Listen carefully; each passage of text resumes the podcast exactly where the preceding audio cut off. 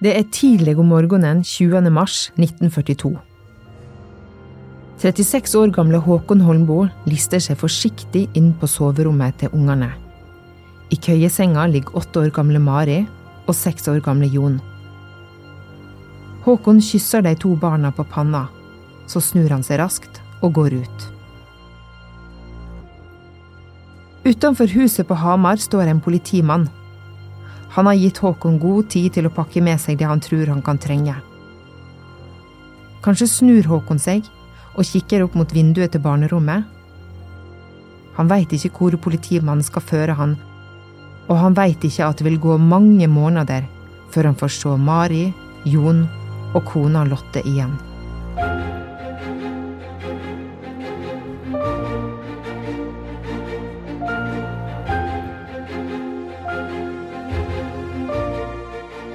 Håkon Holmboe er lærer ved Hamar katedralskole.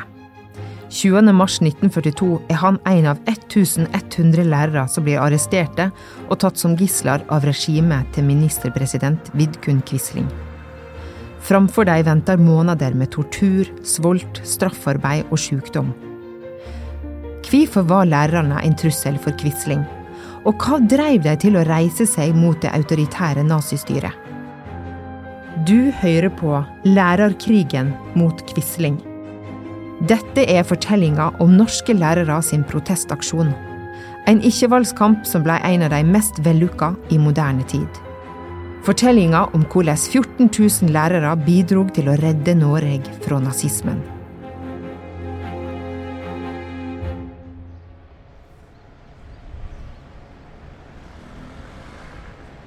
Men denne historien starter flere år før krigen bryter ut i Norge. I Hamburg i Tyskland. Året er 1934, og den norske læreren Einar Høygård har nett flytta til den tyske storbyen. Han er 27 år, nyutdanna og har fått jobb som lektor i norsk språk og litteratur ved universitetet i Hamburg. Det tyske samfunnet går gjennom store endringer. I morgen, ein Diktat For ett år siden ble Adolf Hitler utnevnt til rikskansler. Det nazistiske partiet hans har støtte av mange velgere. De håper at Hitler og partifellene kan ordne opp i den håpløse økonomiske krisa som landet deres har havna i etter at de tapte verdenskrigen i 1918. Men nå har de nye makthaverne innført ei lov som gjør at regjeringa har lovgivende makt. I praksis er det tyske demokratiet avskaffa. Fra posisjonen som norsklektor observerer Høygård de omfattende reformene det nye regimet har satt i gang i skolen, med sterk interesse og uro. Når den tyske staten blir samla på 1800-tallet, blir det viktig at tyske lærere formidler nasjonale verdier. På denne tida er keiserriket i stor grad prega av en konservativ nasjonalisme, og blant annet står ei rørsle som kjemper for et etnisk rent Tyskland, sterkt. Martin Øystese er historiker og universitetslektor ved Institutt for lærerutdanning på NTNU. Han skal følge oss gjennom denne historien. I skolevesenet vokser det fram antidemokratiske ideer, og lærerne skal ikke bare formidle kunnskap, men òg et nasjonalistisk sinnelag, som til dels er prega av sosialdarwinisme og antisemittisme. Dette blir forsterka av første verdenskrig og den økonomiske krisa landet går igjennom på 30-tallet. Disse strømningene i samfunnet bygger Hitler sin ideologi på. Hitler har som mål å bygge et reinrasa folkefellesskap. For å få det til er det viktig å forme barn og ungdom.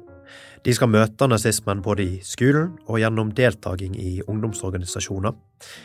Rent praktisk betyr det at skolene i det nazistiske Tyskland skal legge mindre vekt på danning og intellektuelle ferdigheter og kunnskap. Isteden skal fokuset være på bygging av karakter og viljestyrke, i tillegg til kroppslig styrke. Einar Høygård studerer det tyske skolesystemet grundig og forteller om det i lærertidsskrift hjemme i Norge. Han skriver at det vrimler av nye lover og ordninger, smått og stort om hverandre.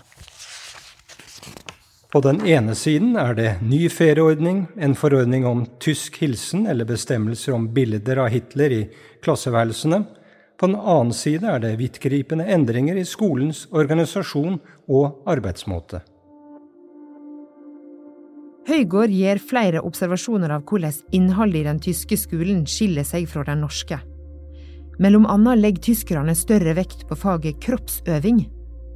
De nye retningslinjene har gjort faget mer militærliknende. Han observerer sjøl kroppsøvingstimer som kan minne om militærøvinger. Faga tysk, historie, geografi og raselære er obligatoriske eksamensfag. Fremmedspråk og naturvitenskap er ikke høyt prioritert. Nazistene mener disse fagene ikke fremmer nasjonalkjensler til elevene. Samtidig blir alle tyske lærere tvungne til å melde seg inn i én stor nazistisk lærerorganisasjon. Organisasjonen er styrt av en fører som har stor makt. Lærerne som ikke melder seg inn frivillig, får ulike former for straff. Høygård er kritisk når han skriver hjem om dette til de norske lærertidsskriftene. Han mener at samfunn bør ha organisasjonsfridom, at det tyske systemet gir føreren for stor makt, og den enskilde lærer for liten innvirknad.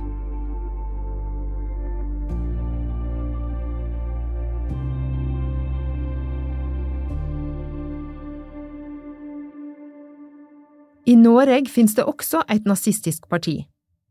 Nasjonal Samling, forkorta til NS, ble stifta av Vidkun Quisling i 1933. Når Einar Høygård kommer tilbake fra oppholdet i Tyskland i 1935, er NS et lite og ganske ubetydelig politisk parti. Ved stortingsvalget i 1936 får de mindre enn 2% oppslutning. Men NS-føreren Vidkun Quisling har likevel høye ambisjoner. I desember 1939 reiser han til Berlin. Tyskland er i krig med Storbritannia og Frankrike, men Norge har erklært seg nøytralt. Quisling får til slutt møte Adolf Hitler. Han forteller Hitler at det finnes en allianse mellom Norge og Storbritannia. Det er ikke sant. Men på det premisset diskuterer Quisling og Hitler mulighetene for at NS skal styre Norge, med støtte fra Tyskland. Fire måneder seinere går det som Quisling vil. Det bekreftes i kveld i en Stockholm-melding at betydelige tyske sjøstridskrefter i morges har gått nordover gjennom Storebælt. 9. april 1940 marsjerer tyske tropper inn i Norge. Det er en uhørt voldsdåd Tyskland her har gjort seg skyldig i overfor Norge. Norske kvinner og norske menn på direkten i NRK gjør Quisling statskupp. Under disse omstendigheter er det Den nasjonale samlingsbevegelses plikt og rett å overta regjeringsmakten for å verne om det norske folks livsinteresser og Norges sikkerhet og selvstendighet. Quisling utnevner seg sjøl til regjeringssjef.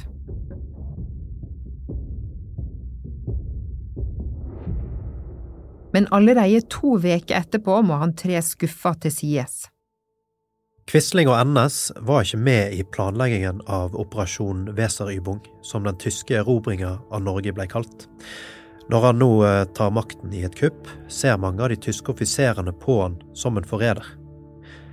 Til og med blant de nyutnevnte regjeringsmedlemmene er det flere som nekter å gå i regjering. De har ikke blitt spurt og ser at kuppet mangler støtte. En av de få som er positive til Quisling, er Adolf Hitler. Men òg Hitler innser at det ikke er tjenlig med Quisling som statsminister på dette tidspunktet, og han gir beskjed om at Quisling skal gi fra seg makten. Inn kom en tysk stats- og partitjenestemann med store ambisjoner. Josef Terboven. Terboven ønsker en norsk regjering med større støtte i folket. Denne regjeringen skal hjelpe okkupasjonsmakten i arbeidet med å endre det norske demokratiet. På den måten skal de nazifisere den norske befolkningen. Terboven mener Quisling verken har støtte eller lederegenskapene som skal til, men han greier ikke å få fjerna Quisling som leder i NS. Terboven må òg droppe planene om å danne en regjering med støtte i folket. Konge og regjering nekter å samarbeide, de forlater landet, og de opererer som ei regjering i eksil. Den tyske okkupasjonsmakta gir opp å bruke det norske demokratiet som verktøy. Isteden gir det makta til et fram til da marginalt parti i norsk politikk. Høsten 1940 blir NS det eneste lovlige partiet i Norge. De skal nå gjennomføre den nazistiske revolusjonen ovenfra og ned. Quisling blir forespeila en rolle som framtidig statsminister. Men for at det skal bli noe av, må han styrke NS i forankring i folket. Selv om medlemstallet stiger, så er motstand mot NS stor.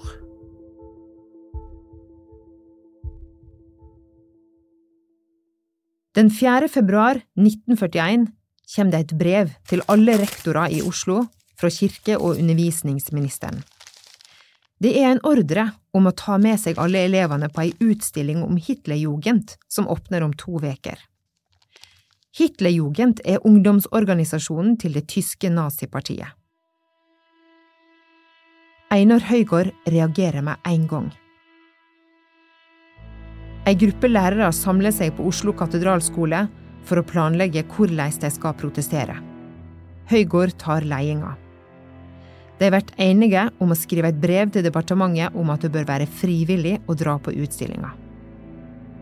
Denne ordren fra departementet blir også startskuddet for organiseringa av flere illegale lærerorganisasjoner. Høygård foreslår at lærerne som er samla på møtet, skal holde kontakten, og sammen kjempe imot dersom det skulle komme flere påbud om å slippe nazistisk propaganda inn i skolen.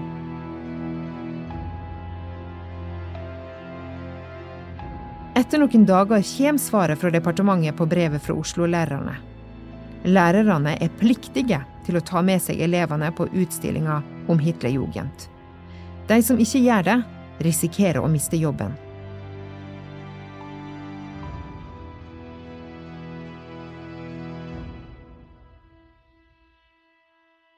De aller fleste lærerne overser truslene og trasser ordren. Ingen mister likevel jobben i denne omgangen.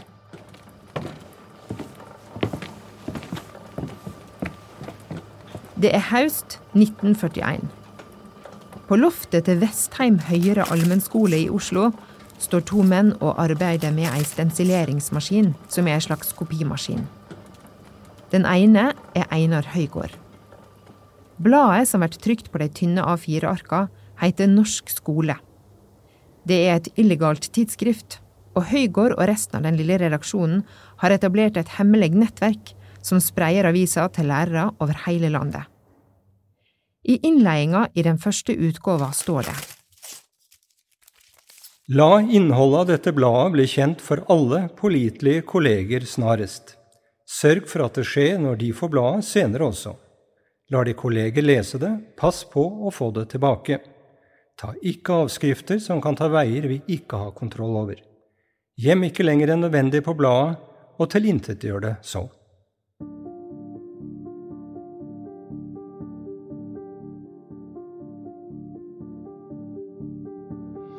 De siste månedene har lærerne organisert seg i flere illegale grupper. De fleste overser de sterke oppmodingene fra NS-styret om å melde seg inn i Nasjonal Samling. Einar Høygård kjenner att det som er i ferd med å skje. Dette er den samme strategien nazistene i Tyskland brukte gjennom 1930-tallet. NS vil gjøre norske barn og unge til gode nazister, og for å greie det må de kontrollere lærerne. For Høygård er kampen mot nazismen en kamp på liv og død. Han har utarbeidet det han kaller for de fire kardinalpunkter, som han gir kjent til lærere over hele landet gjennom det illegale bladet Norsk skole. Alle lærere bør pugge punkta utenat, slik at de vet hvordan de skal forholde seg dersom de vært utsatt for press om å melde seg inn i NS eller undervise elevene i nazistisk ideologi. 1. Avvis krav om medlemskap i eller lojalitetserklæringer til NS. 2. Avvis ethvert forsøk på NS-propaganda i skolen. 3. Avvis enhver ordre fra ikke-kompetent hold. 4. Avvis ethvert krav om medvirkning i NSUF. Husk alltid, enhver har rett til og derfor krav på betenkningstid når han stilles overfor spørsmål som har konsekvenser for hans fremtid. Høygård er tydelig på at alle må følge disse punktene, uansett hva konsekvenser de risikerer. Demokratiet står sterkt i Norge før krigen, og lærerne, som er representanter for en liberaldemokratisk tradisjon, er viktige formidlere av demokratiske verdier. Dette ser en annet i lærebøker som advarer mot å overlate all makt hos én mann, siden han da vil kunne misbruke denne makten. Fra 20-tallet er òg skolen preget av reformpedagogikk, som er kritisk til den tradisjonelle skolen sine metoder, og har ei sterk tro på elevene sine utviklingsevner og skapende evner. I 1939 eh, kommer det en ny læreplan som bygger på reformpedagogikken. Den blir sett på som liberalistisk gift i NS, som heller vil ha en skole som er mer lik den tyske, med større vekt på karakterdanning og kroppsutvikling. Likevel er det vanskelig for okkupasjonsmakten å utarbeide et alternativ. NS og store deler av den norske lærerstanden står altså langt fra hverandre politisk og ideologisk.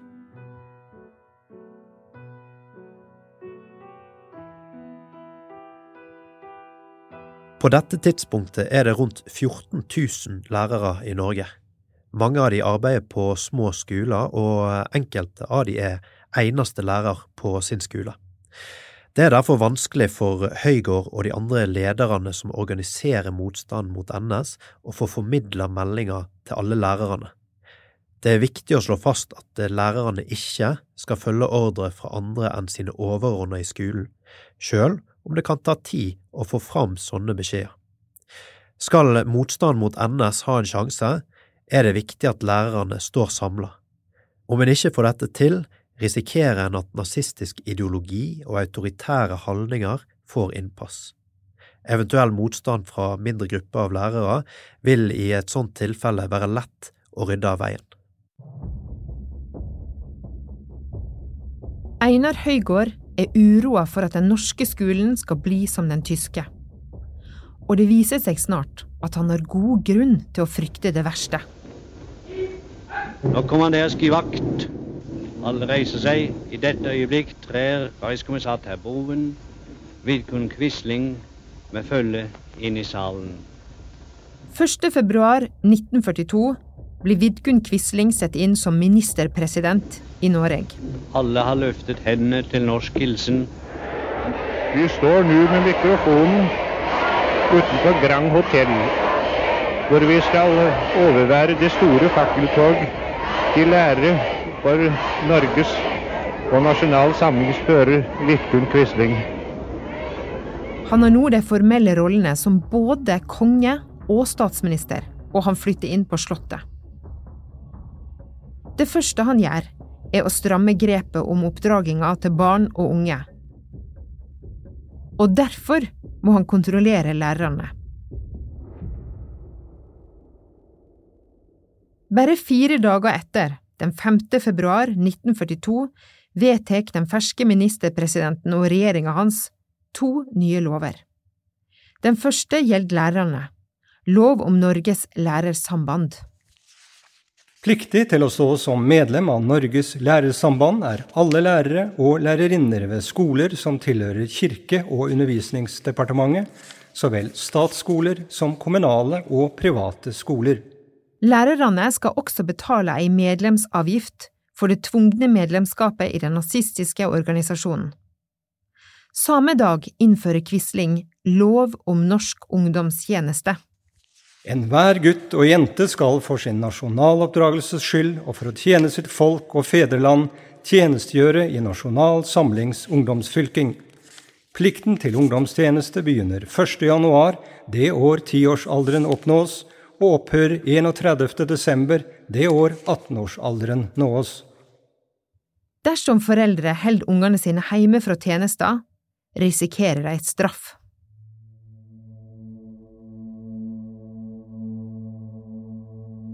NS-mannen Orvar Sæter blir oppnevnt til landsleder i Norges lærersamband. På en pressekonferanse dagen etter at lovene er vedtekne, sier han at de nå endelig har et middel til å påvirke hele lærerstanden. Avisa Morgenbladet er på pressekonferansen og refererer fra talen til Sæter.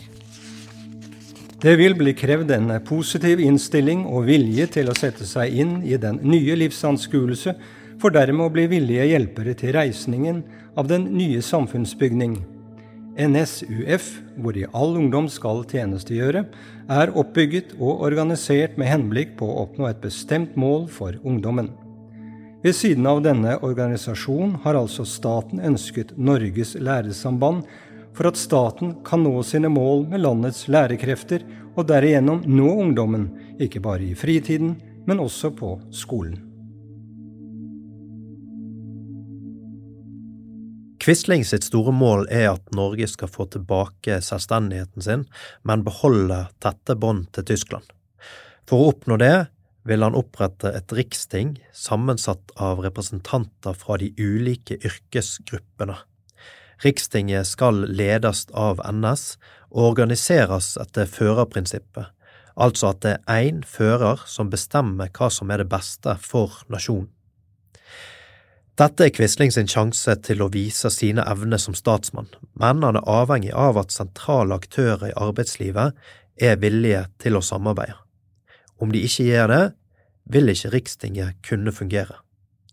Fungerer ikke Rikstinget, vil ikke Quisling få vist at han har det som trengs for å styre landet på en tilfredsstillende måte, og planen om et selvstendig Norge vil da gå i vasken. Samtidig veit han at det er mange både i folket og hos okkupasjonsmakten, som ønsker å se at han feiler. Falløgnen for den nye ministerpresidenten er derfor stor. Quisling velger å starte med lærerne. Får han de på lag, vil det kunne sikre han et godt kontaktnettverk, og det vil kunne være med å forme framtidige generasjoner. I lærerstanden er det derimot sentrale krefter som arbeider mot Quisling. Siden våren 1941 har Einar Høygård reist rundt til skoler i hele landet og formidla hvordan motstand mot nyordningen av skolen skulle organiseres. Reisene til Høygård var viktig for å styrke samholdet mellom lærerne.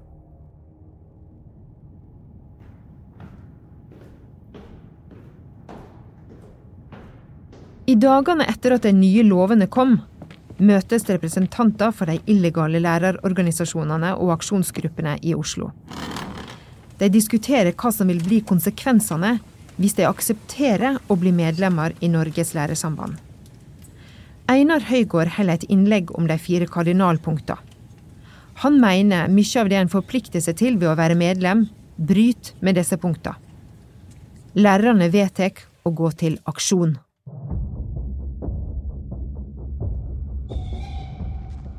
Lærer og motstandsmann Håkon Holmboe går med rolige skritt mot Hamar stasjon.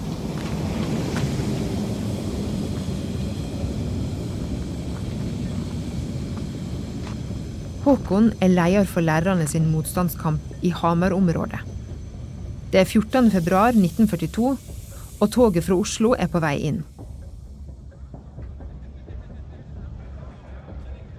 I mylderet på plattformen får han øye på kameraten som han venter på.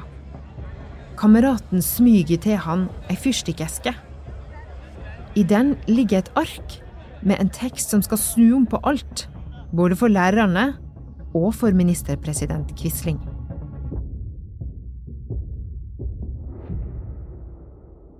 Kameraten har vært med på et hemmelig lærermøte i Oslo. Hastig forteller han hva Håkon må gjøre nå. Det er Håkons oppgave å kunngjøre til lærerne i området at de må følge kursen som lederne i Oslo har staka ut.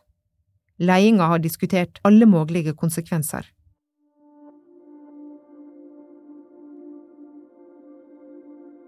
Teksten på lappen som ligger i fyrstikkeska, er ei erklæring som alle lærere skal sende inn til Kirke- og undervisningsdepartementet samtidig. Så forsvinner kameraten inn på toget igjen, med fyrstikkeska i lomma går Håkon raskt av sted.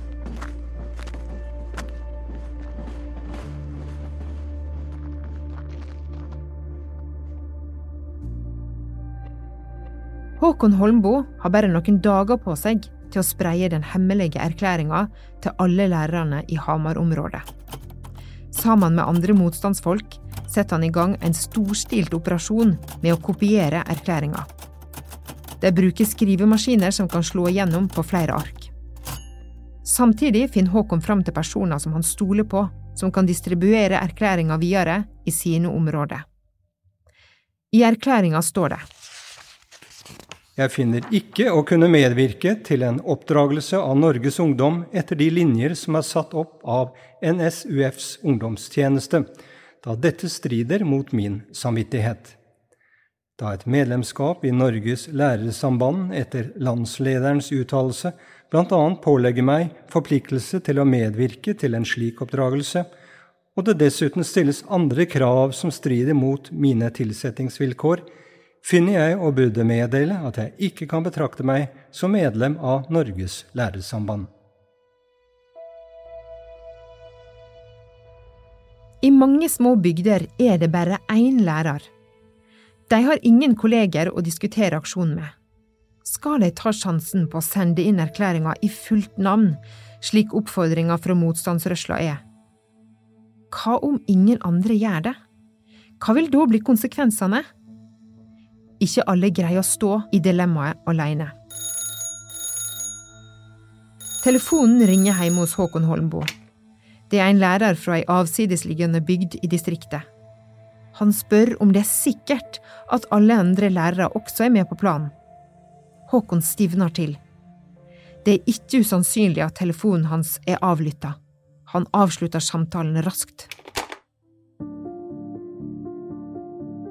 20. februar 1942 stikker tusenvis av lærere brev med likelydende erklæringer i postkasser over hele landet. Verken tyskerne eller NS har fått nyss om planene. Ingenting tyder på at noen overhørte telefonsamtalen mellom Håkon og den usikre læreren. I dagene etter strømmer protestbrevene inn til Kirke- og undervisningsdepartementet. Ingen veit akkurat hvor mange, men det kan være opp mot 12 000. Send det inn fra de 14 000 mennesker som arbeider som lærere i Norge i 1942. Aksjonen fører til bekymring i departementet. De hadde ikke venta en så overveldende motstand, eller at lærerne skulle stå så samla. Det at lærerne på så kort tid klarer å organisere et felles svar, viser òg at de har sterke ledere og gode kommunikasjonskanaler.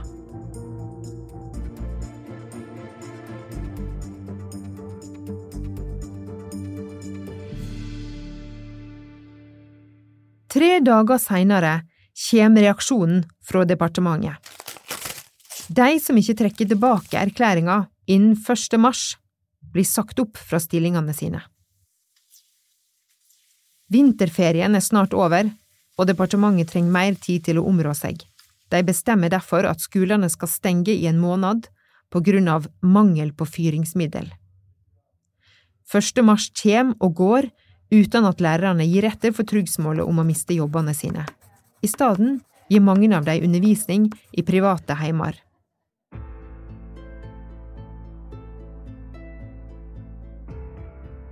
Men det er ikke bare lærerne som protesterer mot Quisling sine nye lover. Over hele landet er foreldre rasende på den nye loven om nasjonal ungdomstjeneste, som påbyr alle barn mellom 10 og 18 år å bli medlemmer i Nasjonal samlings ungdomsfylking. Søstrene Åsta og Helga Stene er begge lærere og har vært aktive i motstandsarbeidet helt siden krigen starta. Nå tar de initiativ til en protestaksjon blant foreldre. Gjennom det illegale nettverket de har opparbeidet de siste to åra, sender de ut et opprop der de oppfordrer alle foreldre til å sende protestbrev til departementet. Jeg ønsker ikke at mitt barn skal delta i NSUFs ungdomstjeneste, da de retningslinjer som er trukket opp for dette arbeidet, strider mot min samvittighet. Foreldre skriver under med fullt navn og poster brevet fredag 6. mars 1942.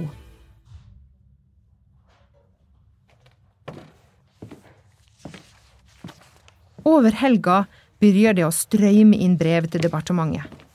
Kleskorg på kleskorg, stappfull av brev, blir båret inn i kontorlokaler. Truleg kommer mer enn 200 000 brev.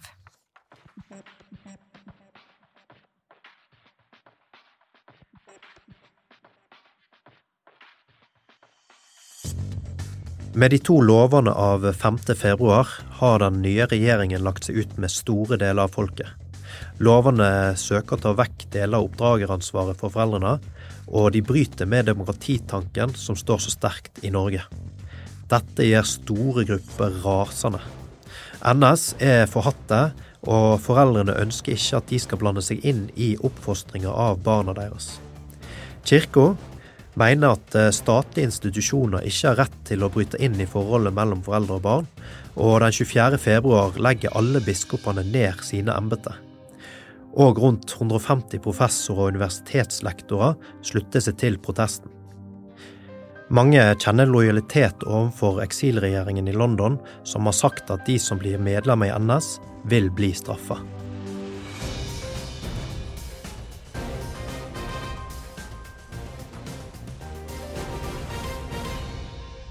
Foreldrene som er med på protestaksjonen, sender inn brev med fullt navn.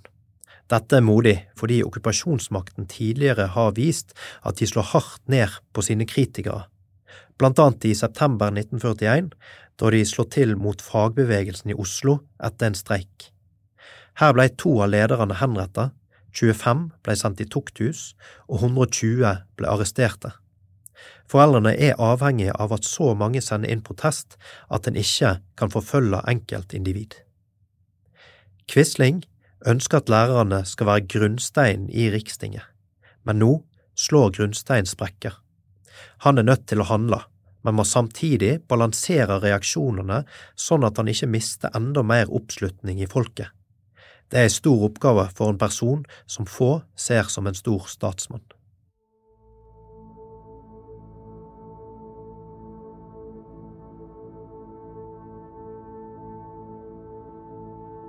Den månedlange brenselsferien går mot slutten.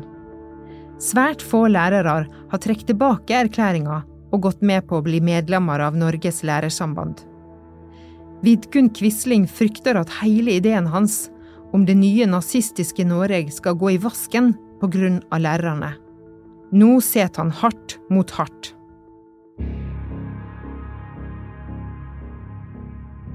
Sammen med rikskommissær Josef Terboven vedtar han å gå til arrestasjoner av lærere.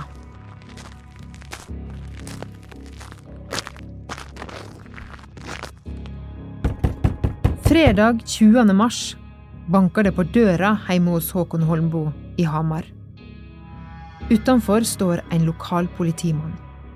Så vidt Håkon veit, er han ikke medlem av NS. Men politimannen har fått en ordre fra høyeste hold å arrestere Håkon.